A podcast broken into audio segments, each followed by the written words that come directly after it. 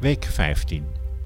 Zondag 18 februari tot en met zaterdag 24 februari 1945. Gerrit is gevoelig geworden. Hij is gevoelig voor vliegtuiggeluid en angstig voor overvliegende vliegtuigen.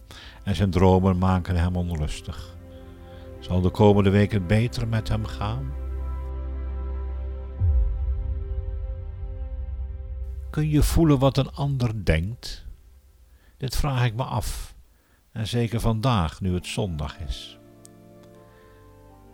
Ik voel me verbonden met mijn familie op Urk. Wat zou dat zijn? Zou er dan op dat moment voor mij gebeden worden? Heel sterk krijg ik het gevoel dat op Urk aan mij gedacht wordt op dit moment. Hoe laat is het? Ongeveer half elf, schat ik zo. Dit is het tijdstip waarop voorbedes gedaan worden in de kerk. Er wordt voor mij gebeden. Het geeft me moed om vol te houden. Wat een kracht gaat eruit van gebed.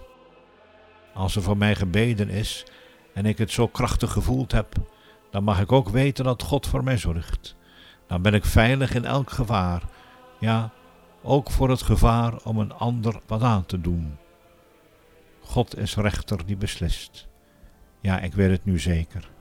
Hij vernedert de boze en verhoogt de rechtvaardige.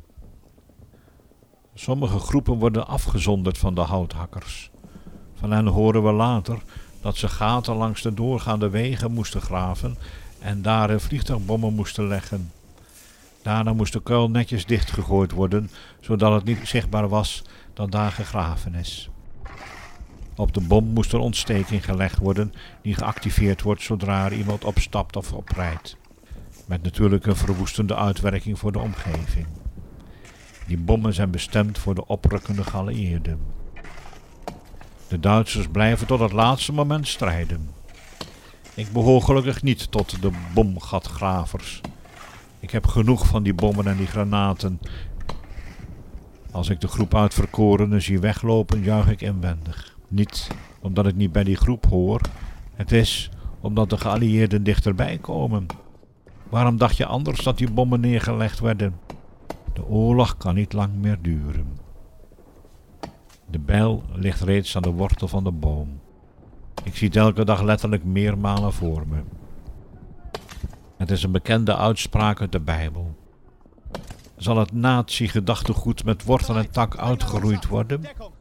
Ik hoop het van ganser harte. Ik weet wel dat het Bijbelwoord iets anders betekent, maar ik pas het graag op de Duitsers toe. Wat niet goed is, moet uitgeroeid worden, voorgoed. En meteen sla ik nijdig met mijn bijl op een boomstam, alsof het een mof is. Soms schrik ik van mijn eigen gedachten. Heb ik moordneigingen? Nee, gelukkig niet, kom ik tot de conclusie. Ik kan die bruinhemden en alles wat zo'n rare Duitse helm op heeft niet uitstaan, maar moordneigingen heb ik niet. Toch?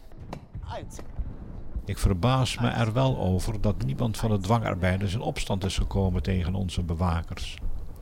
Ja, de Fransen roeren zich wel, maar dat is verbaal. Iedereen loopt met een bijl in de hand of een scherpe schop. Daarmee kunnen we zo de bruinhemden aanvallen, maar dat doen we niet. Is dat lafheid? Ik denk dat de wapens die de bejaarde bruinhemden dragen ons toch angst inboezemen. Met één snelle en krachtige slag kan ik zo een mof uitschakelen, voorgoed. Maar ik doe het niet. Als de Duitsers moordenaars zijn, hoef ik het nog niet te zijn. Ik sla nog maar eens met een ferme klap een tak van een net gevelde boom.